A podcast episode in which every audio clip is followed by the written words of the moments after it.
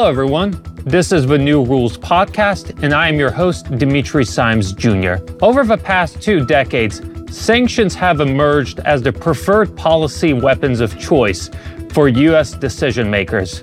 They view sanctions not only as a form of punishment for bad political behavior, but also as a way to undermine potential economic rivals.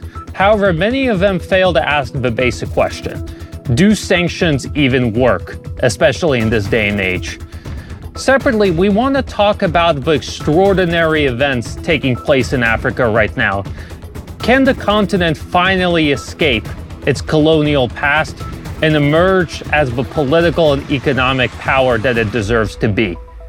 To help us answer both of these questions, we're very pleased to welcome Professor Jeffrey Sachs, a Columbia University economist that has advised governments across the world. Professor Sachs, thank you so much for coming onto the program. Very good to be with you. Thank you so much. Professor Sachs, I want to start by looking at the sanctions that were imposed against Russia in March, February 2022. At the time, many Western officials, experts, predicted that these sanctions would serve as a sort of knockout blow against the Russian economy, that they would bring military production to a halt, and that they could even potentially cause mass political unrest. Now, more than a year and a half has gone by, and these predictions have not materialized. What did Western policymakers get wrong about the Russian economy? Well, the first thing I think is they got the idea of sanctions as being a knockout blow absolutely wrong because sanctions have been applied repeatedly by the United States, and they've uh, essentially never been a knockout blow.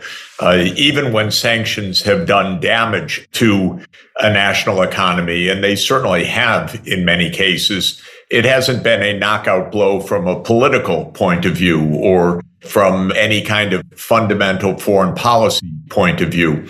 The U.S. imposed very tough and uh, very harmful sanctions against Venezuela, for example, to try to depose uh, President Maduro and to install an American chosen president.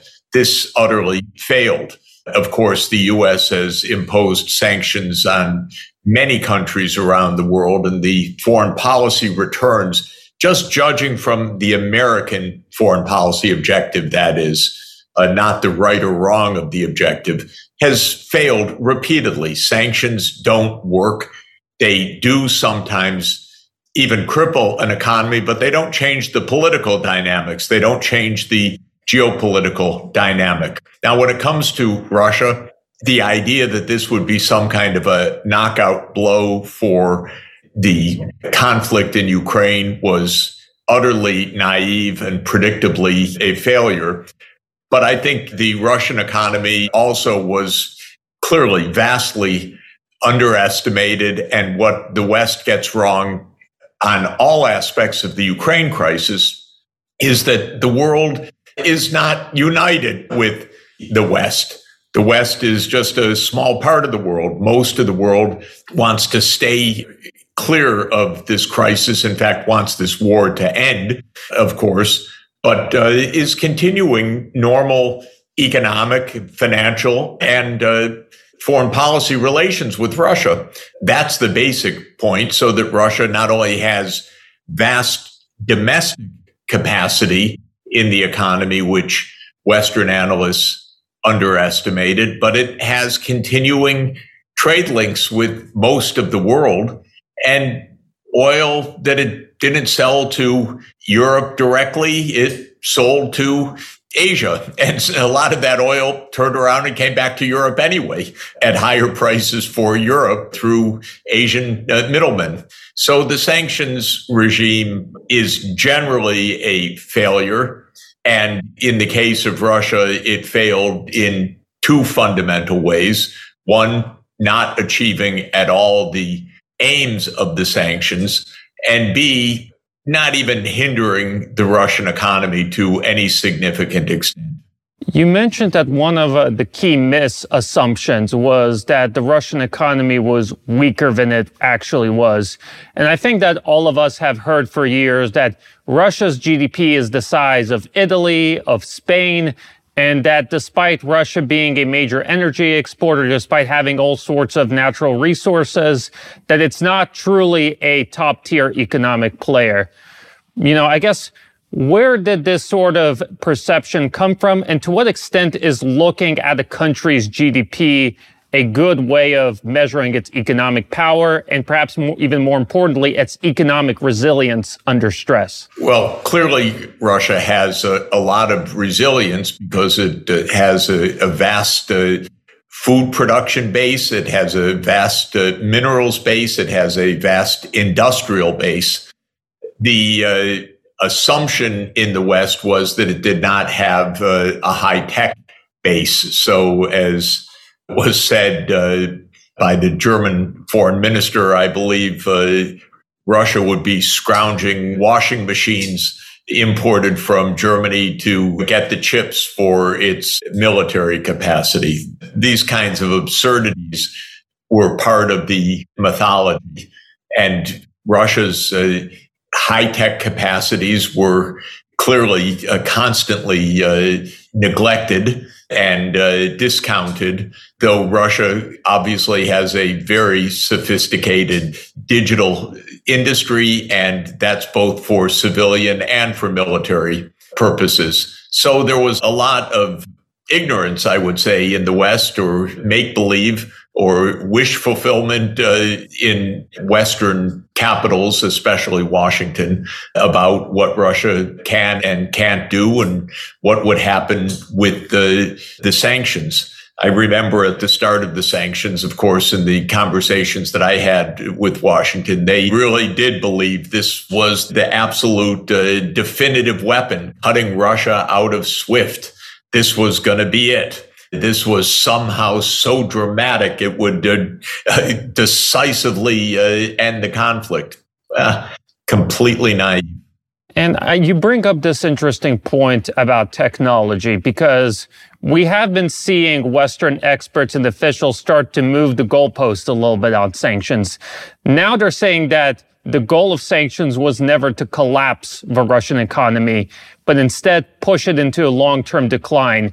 And their basic premise is that without Western investment, without Western technology, Russia is not going to be able to achieve anything resembling sustained economic development. In your view, to what extent is that an accurate assumption? Let me start by saying I personally believe in open world economy in which goods, services, uh, finance, and technology move across borders. I don't like the U.S. sanctions policies at all. I don't like the attempts to close trade in technology or trade in goods and services.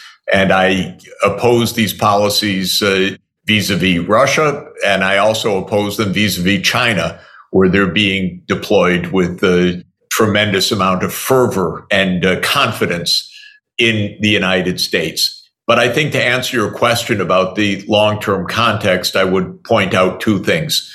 First, uh, look at the sanctions regime vis a vis China. Here, the goal very clearly is to hinder China's development and to keep it away from cutting edge technology. But we've just had a rather interesting phenomenon just in the last couple of weeks. Since uh, the late years of uh, the previous decade, uh, 2018 and 2019, the United States has been trying to destroy Huawei, the very successful Chinese company, which uh, has been the low cost provider of 5G and was very successful in consumer devices, especially smartphones and the U.S. on many different uh, claims of spying and uh, security threats and so forth, none of which, to my mind, hold up at all, went out to destroy the company. And the uh, tool that uh, was thought to be, again, the coup de grace in this was to uh, keep uh, advanced microchips away from Huawei. And indeed, uh, in 2020, 2021, 2022, the company uh, largely disappeared from the international smartphone market. But it, just in the last couple of weeks, Huawei unveiled its uh, latest smartphone, and it appears from all reports, not from my firsthand knowledge, but from everything that I'm reading, uh, that uh, Huawei and this means the Chinese uh, chip uh, making industry has been able to create an advanced chip that competes, lo and behold, with the world's favorite uh, microchip today, uh, which is uh, NVIDIA's uh, A100 chip. And it seems that in this new smartphone, Huawei has done it, uh, and China has done it. It's been able to produce this uh, chip that China would never be able to uh, to master, and it came very, very quickly. And now all the analysts, uh, security and financial, are scurrying around to see what is this chip, who made it, and so forth. We don't have a final answer to that, but it does seem a basic point uh, just to come back to your question, which is that this idea that the U.S. or the U.S. ecosystem with a few other countries holds the keys of the kingdom and uh, the rest of the world will be unable ever to catch up or it will be decades is a myth.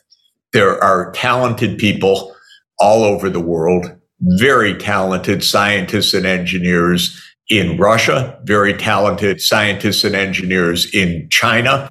In fact, very large numbers of them.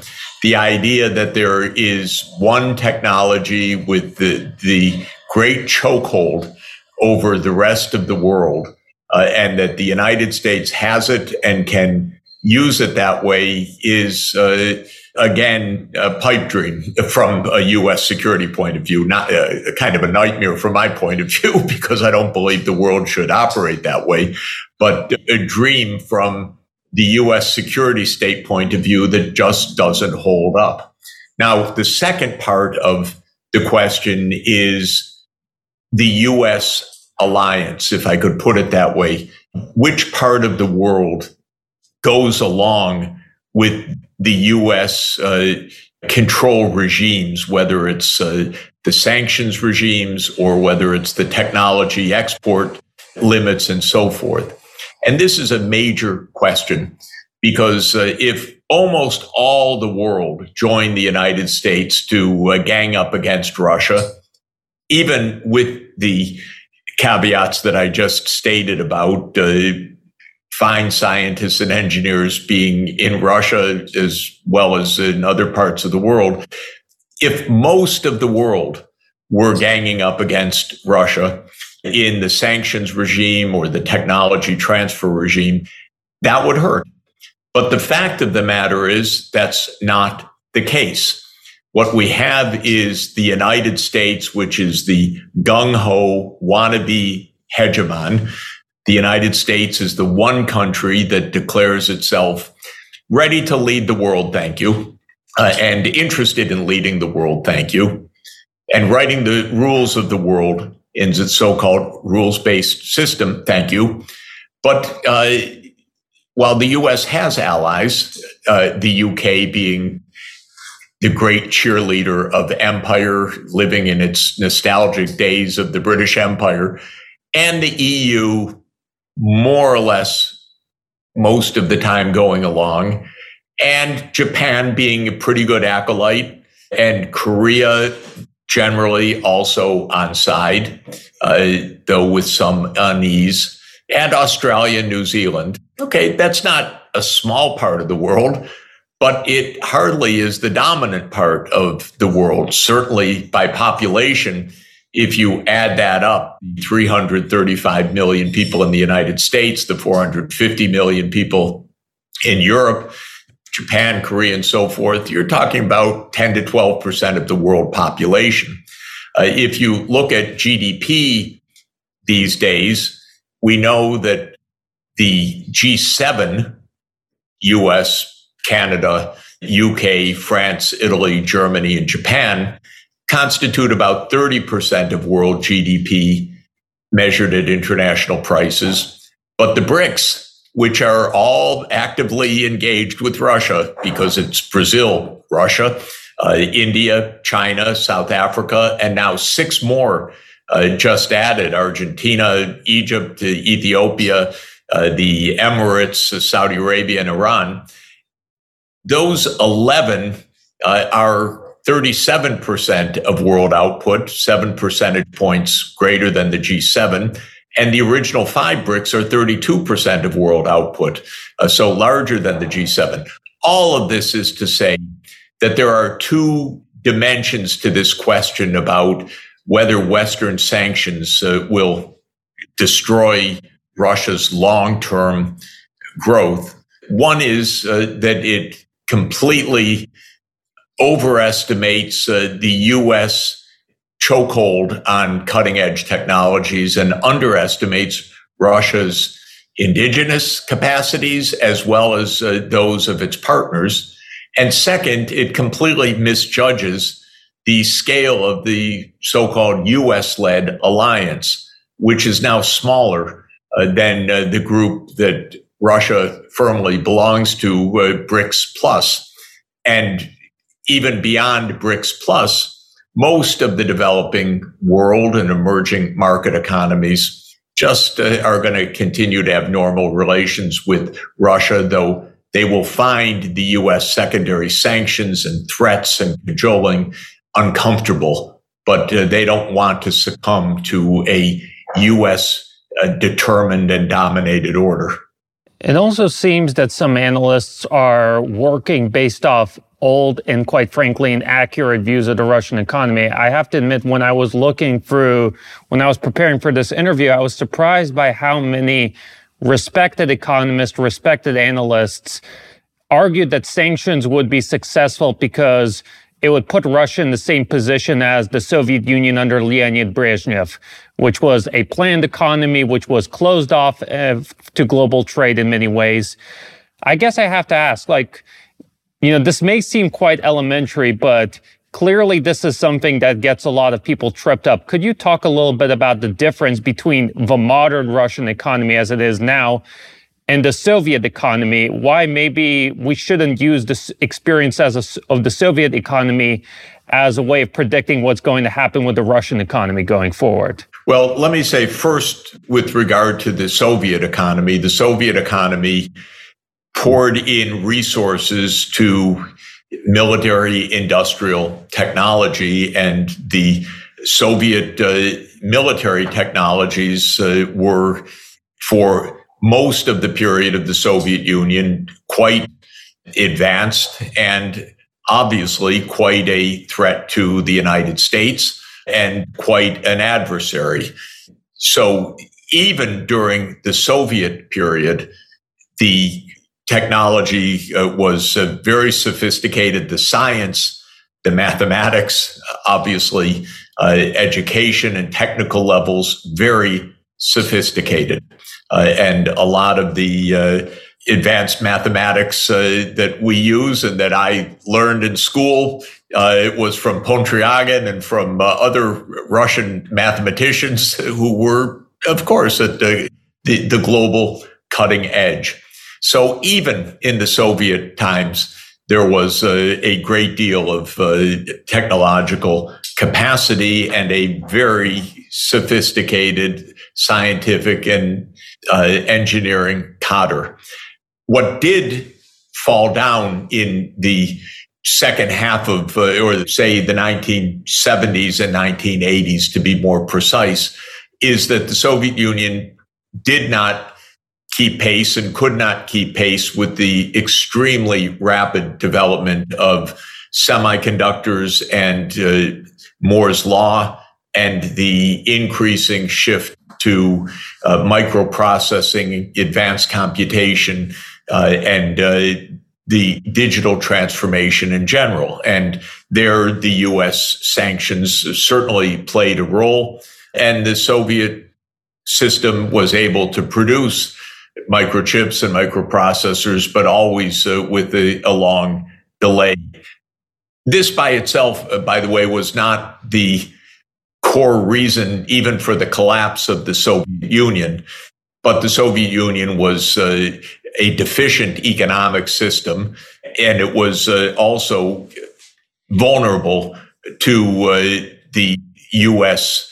approach of uh, keeping away technologies, to be sure, and it got uh, itself into uh, financial distress in the 1980s, which culminated in a serious financial crisis at the end of the 1980s that in the course of reforms made an extraordinarily complicated uh, uh, economic and financial environment. Well, that's all past history.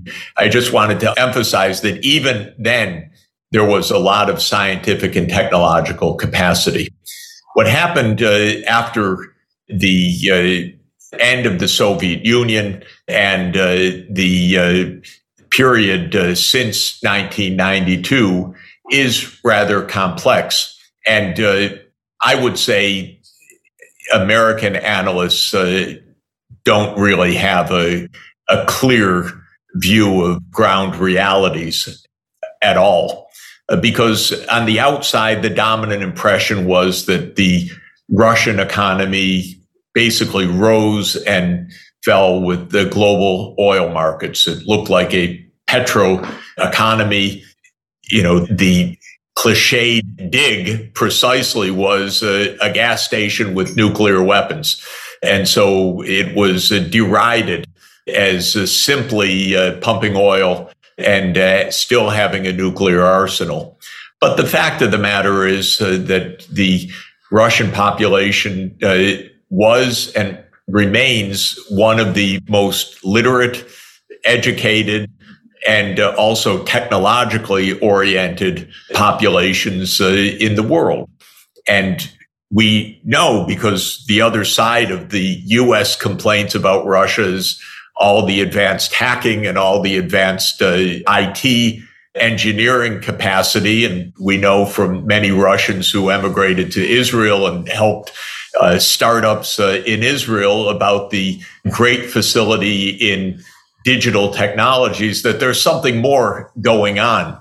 I don't think that the Western analysts really understood the advances on digital economy in Russia, and we see it every day now in the battlefield in Ukraine because there's a lot of capacity in the Russian army uh, for and the Russian military, I should say, for advanced technologies. And actually, we're seeing uh, new generations of weapons uh, developed uh, in real time just in the last couple of years. So obviously, a lot of innovation taking place as well. So uh, to answer your question, I think that the uh, quality of analysis is low.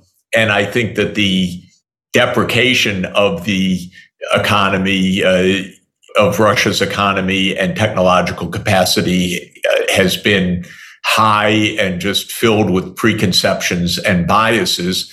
And I think uh, American uh, analysts uh, and strategists are learning the hard way that their simplistic ideas uh, aren't uh, borne out. I want to remind our audience members that you are watching and listening to the New Rules podcast. I'm your host, Dimitri Simes Jr. Our guest today is Professor Jeffrey Sachs. And if you're enjoying the video so far, please like and subscribe. Professor Sachs, we've been talking about Russian sanctions so far, but I want to take a closer look at China because we're seeing a lot of the same triumphalism coming out of Washington right now. There was an article from Foreign Affairs last month which declared the end of China's economic miracle. And we're seeing a similar sentiment from other mainstream media outlets, even from Joe Biden himself.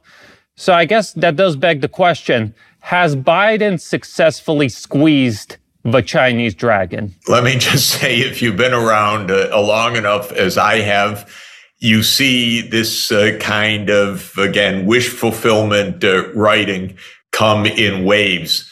uh, in the 1990s, uh, we had articles, for example, by Paul Krugman uh, on the myth of the East Asian miracle, I think was the title.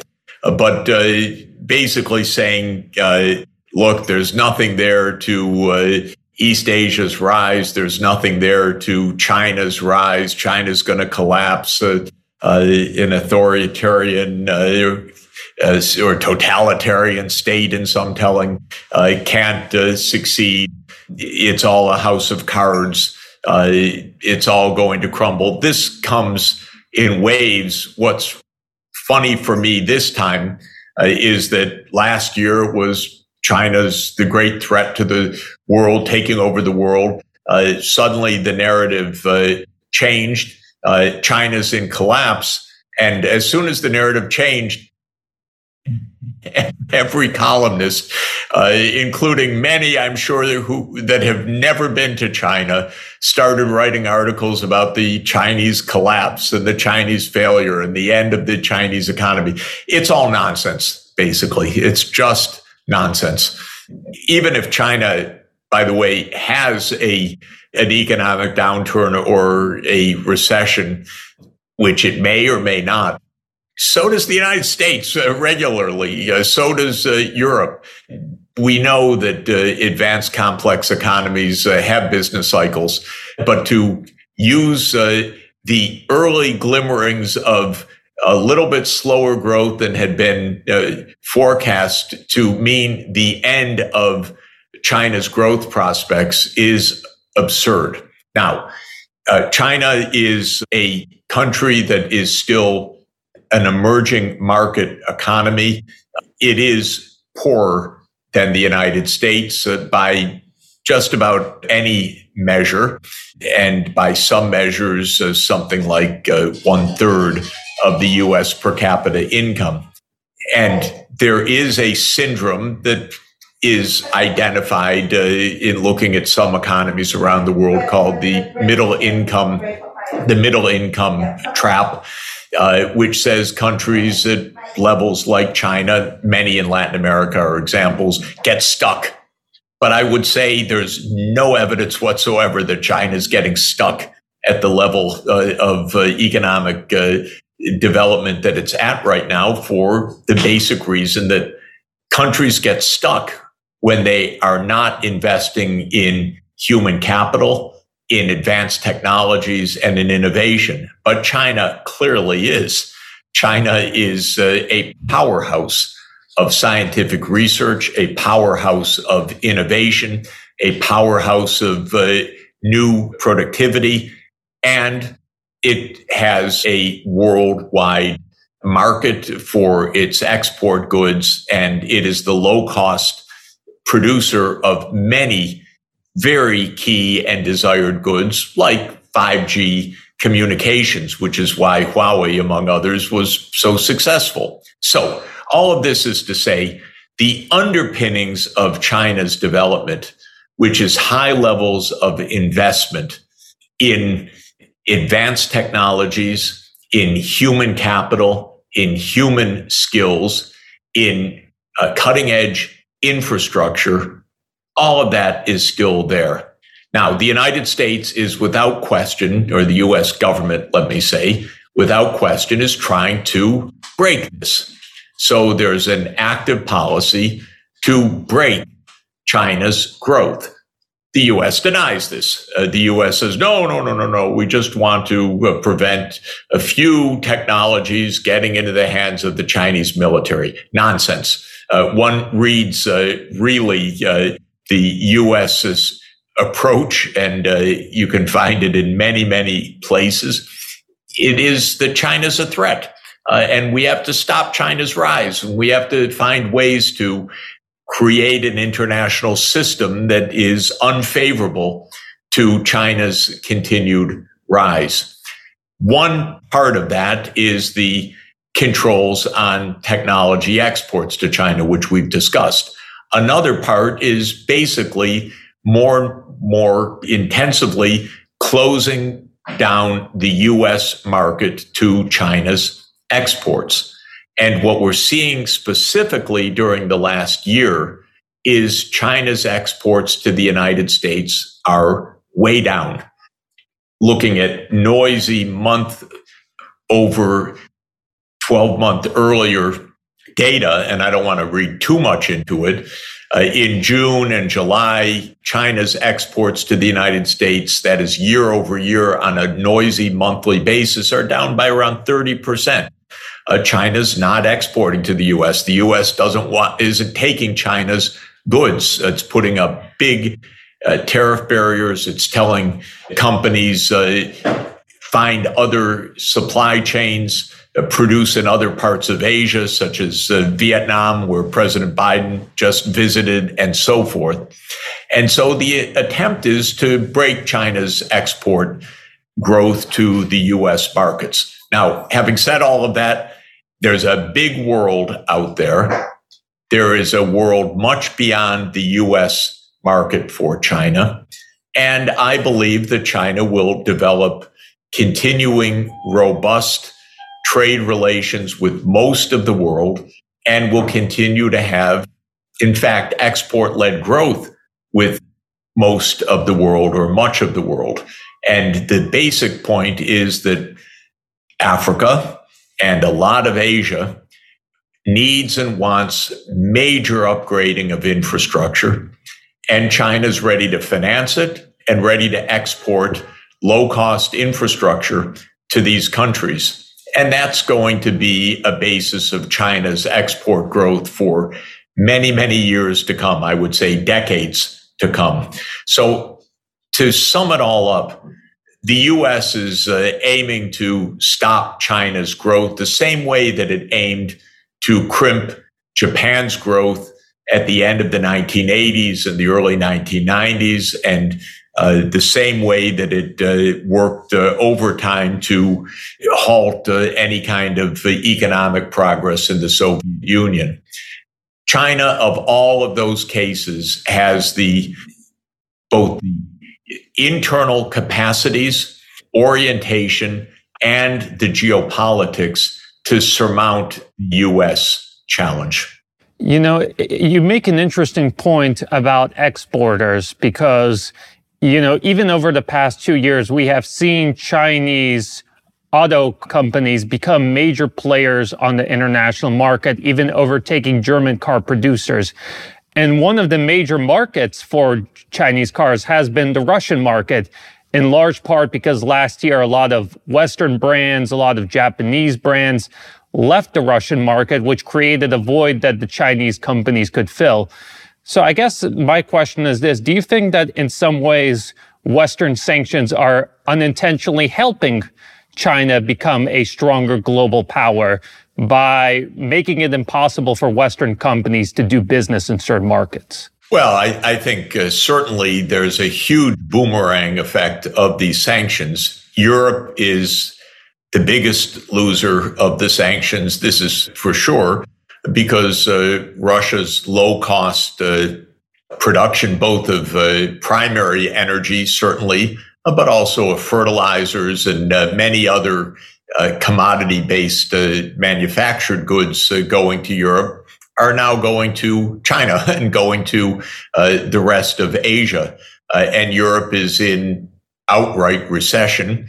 And I would say uh, if there's a particular loser from all of this, it's a German industry, which had probably the closest symbiotic relationship with the Russian economy over the last 30 years. And by the way, a couple of quick things to say about that. When I was uh, advising uh, in Russia in the early 1990s and trying to get uh, a Western financial support to help Russia stabilize from the financial crisis uh, that it was in and that it inherited from the final years of the Soviet Union. And I could not get any interest in Western help for uh, Russia in those days. So my attempt failed. But in any event, my view was that it would be a strong interlinkage of Germany and Russia that would actually make Russia's recovery uh, and a, a, very strong economy of the region. And so that didn't happen in the way that I hoped, in the depth that I hoped, but it did happen to an extent. Uh, and uh, Germany and Russia had healthy economic relations. It is said, rather widely, actually, and mm-hmm. I think with some credibility, that the United States was absolutely dead set also on breaking that. Sometimes it said in order to also break Germany's economy. I'm not so sure about that, but definitely to weaken the links between Germany and Russia economically. And all of the fervor against Nord Stream, for example, was a, a part of the U.S. desire to ensure that Germany and Russia never got too cozy economically. Um, so th- this is uh, why Germany is a particular loser, breaking all these economic relations with Russia. Germany built a lot on the basis of uh, good economic relations with Russia. The United States uh, absolutely wanted to break that even before the Ukraine war. Now it's gone into uh, overtime to make sure that no linkages whatsoever remain. And as Russia therefore turns to the broader BRICS world and the rest of the world, it's those countries that benefit from these linkages, and it's Europe that is absolutely left behind. One of those beneficiaries is China, clearly, because China is a uh, crowded, uh, densely populated uh, economy with natural resources, but on a per capita basis, relatively low. So it's very complementary uh, with Russia. Add in the common shared high tech element, and that's an added benefit of this uh, increasingly strong relationship between China and Russia on the economic side because there's a lot of technology transfer that can go in both directions. Add in the building of infrastructure across Eurasia, uh, connecting Russia and China in a number of ways. That also is a great strength. So in the end, this damages Europe. Uh, this break with Russia, uh, it uh, strengthens China, and uh, it does not uh, lead to uh, any kind of uh, deep, prolonged crisis for either uh, Russia or China. Quite the contrary, it, it hurts the world uh, that we consciously divide the world into blocks like this. It makes the world more dangerous, but it is not as if uh, the whole world is ganging up on one or two countries. It's nothing like that. Uh, the more energetic and dynamic uh, part of the world, uh, the faster growing part of the world, let me just say quantitatively, uh, is not on the US European side of the story. I want to remind our audience members that you are watching and listening to the New Rules podcast. I am your host, Dimitri Simes Jr., and our guest today is Professor Jeffrey Sachs. Professor Sachs, taking a sharp detour from the sanctions theme, I want to talk a little bit about what's going on in Africa. Because over the past two years or so, we have seen a wave of military takeovers in West Africa. And a lot of these new governments have positioned themselves as forces against European neocolonialism, particularly French neocolonialism. Could you break down for our audience members what's going on and whether there are any sort of economic factors driving this political wave? Several things are happening in Africa, and uh, it's a complex and somewhat uh, contradictory scene as well. But before getting to the coups, let me make one overarching point. Africa was divided by the European imperial powers uh, into 55 small countries, not all small, but 55 countries, many of which are quite small. But the continent as a whole is 1.4 billion people. And that is comparable to the single country of China and the single country of India. So if Africa were to get its act together to have more unity and to have a unified continental scale economy, Africa will be able to follow along roughly in, I would say, 20 year cycles. Uh, China started first around uh, 1980. India started its uh, rapid growth around 2000. Africa, uh, as a unified economic space, could achieve consistent 7 to even 10% economic development over the coming decades from 2020 onward. This is quite interesting. So this is the positive side of the story for Africa and the admission of Africa as a union, the AU as the 21st member of the G20 uh, in uh, New Delhi uh, just a couple of days ago at the G20 summit is to my mind a significant event not only for the G20 because it brings another 1.4 billion people to the table with one seat, the AU seat, but it also, I think, can have the powerful effect of reinforcing the unification of the continental scale economy in Africa, which I think will do a huge amount of good for Africa's uh, economic advance during the coming several decades. So that's a baseline. Now, in the midst of all of this, Africa remains the poorest part of the world, uh, and uh, a lot of suffering from that poverty. And the Sahel of Africa, which is uh, the region of the uh, semi to hyper arid region neighboring the Sahara Desert, uh, places uh, like uh, Senegal, uh, Burkina Faso, Guinea, Chad, Niger, Mali, Sudan. This is the poorest single stretch on the planet uh, because it's mostly landlocked. It's largely bereft of infrastructure. It is, uh, as I say, semi to hyper arid often sparsely populated and landlocked at the same time. It's poor. And where the coups have been taking place are in uh, these very poor countries in Guinea, in Burkina Faso, uh, in Chad, in Mali, in Niger now.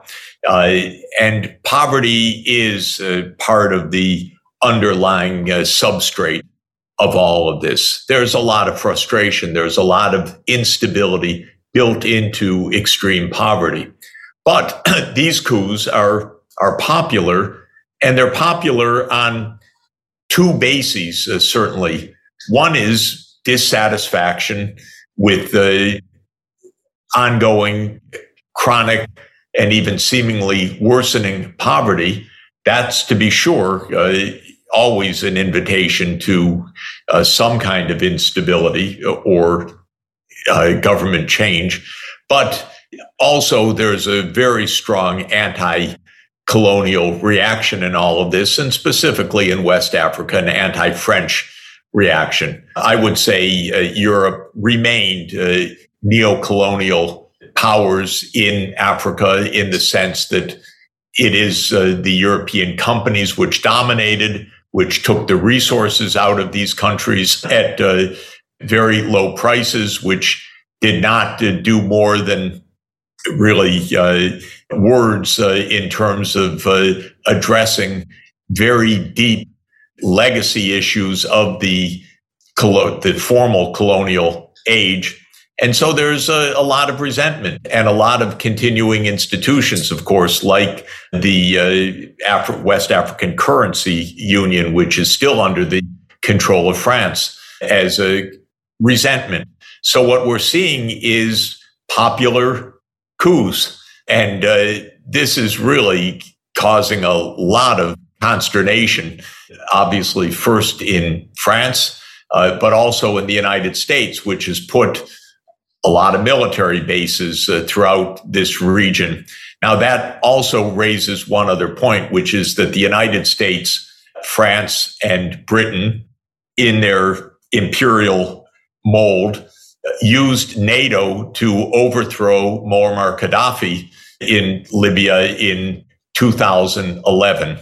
This was a really just utterly wrong-headed action on so many counts, but a typical US led, NATO led regime change operation.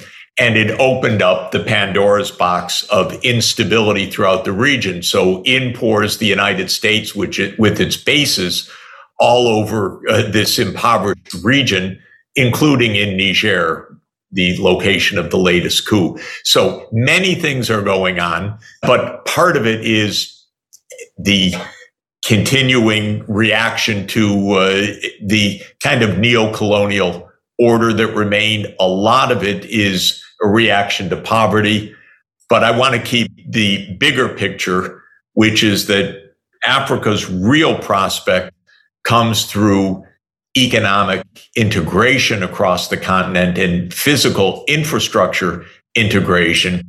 And that actually is the big story. That is now proceeding under still fragile conditions, but really proceeding under the African Union.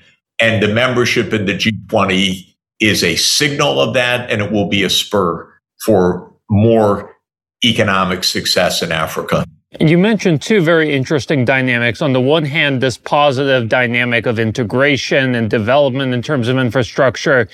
But you also mentioned that there are lingering signs of European neocolonialism, not just on the economic level, but even in the form of military bases, boots on the ground.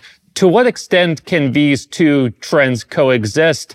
And is there a threat that at some point the desire to preserve the economic interest and military interest in Africa will cause, you know, major Western countries like France, like the United States, to move against African integration and cooperation?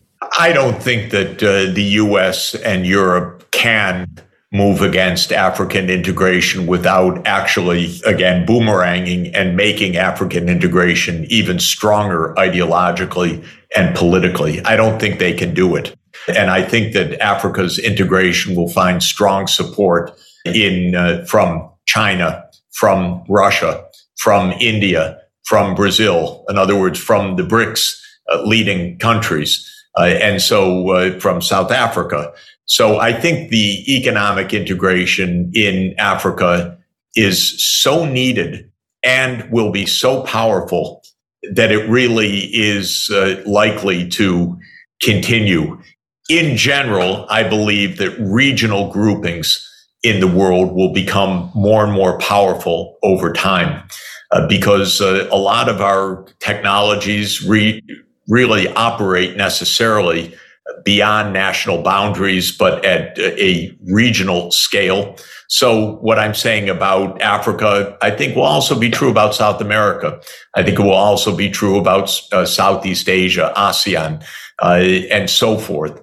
But I think that these uh, forces of regional integration in Africa are especially powerful because they really are the path for Africa to finally break out of the poverty and the colonial legacy. And I think that the military bases in Africa are from the foreign powers uh, are going to have to close shop and go home. This is what I expect. This is, of course, what Niger is demanding of France. And I think it's going to be a more general pattern. So, would it be then fair to say that Africa could have the potential to become this new node in a multipolar world where it's cooperating with China on the one hand, with the West on the other, with Russia, with India, that it could, in a sense, become a independent pole instead of being the object of foreign colonialism? This is absolutely the case. It will take some strong leadership in Africa, some recognition that this really has to be done, not 55 small uh, country uh, times, but once with the AU having the lead with a vision of making exactly that breakthrough. But I think that's the desirable path. I think it is uh, actually the likely the likely path. Yes, uh, I think that uh, many African leaders recognize uh, this is needed. There are more and more significant African uh, business people, some very rich ones that want to invest in uh, cross border trade. There is now an African, essentially common market, uh, a, a, unified aviation regime taking hold. So air travel within Africa will be uh, tremendously eased. There really is a lot of fiber being put on the ground uh, for uh, digital Africa. Uh, and so these uh, powerful linkages, they're coming at the nick of time because there's also a lot of poverty and a lot of instability. And for Africa to be in a situation where most of the world, not the experts looking in, but most and projecting, but most of the world uh, looking uh, casually at it sees Africa as this dynamic player. That's going to take years to come. Uh, remember, uh, China for the first 20 years of its 40 year rapid ascent was not really uh, appreciated uh, for that. India is just now in its uh, glory, especially after hosting a very successful G20, saying, we're here. We're big, we're dynamic, we're growing rapidly. That just is being noticed right now. I think Russia's success, by the way, is just being noticed now on the battlefield, but it's causing a lot of questions. Oh, this is not the Russia we uh, we read about in our newspapers. And for Africa, there's 20 years of hard work and hard investment to make the basics, uh, to get the electrification in place, to get the basic transport infrastructure in place. That's the work of the next 20 years. But if Africa behaves uh, as a unified uh, system, it's going to succeed in that. I want to remind our audience members that you watched and listened to the New Rules podcast. I'm your host, Dimitri Simes Jr., and our guest today was Professor Jeffrey Sachs. Professor Sachs, where can our audience members go to keep up with your work? Uh, if they go to my website, which is jeffsachs.org, uh, you can find uh, my uh, uh, latest writings, uh, published articles, videos, and so forth. So I really welcome you there. And if you want to keep up with our work, the very first thing you should do is like and subscribe. That really helps grow the channel. Additionally, we will have links to all of our social media, to all of our resources down in the link in the description below. Thank you so much to everyone who tuned in. Till next time.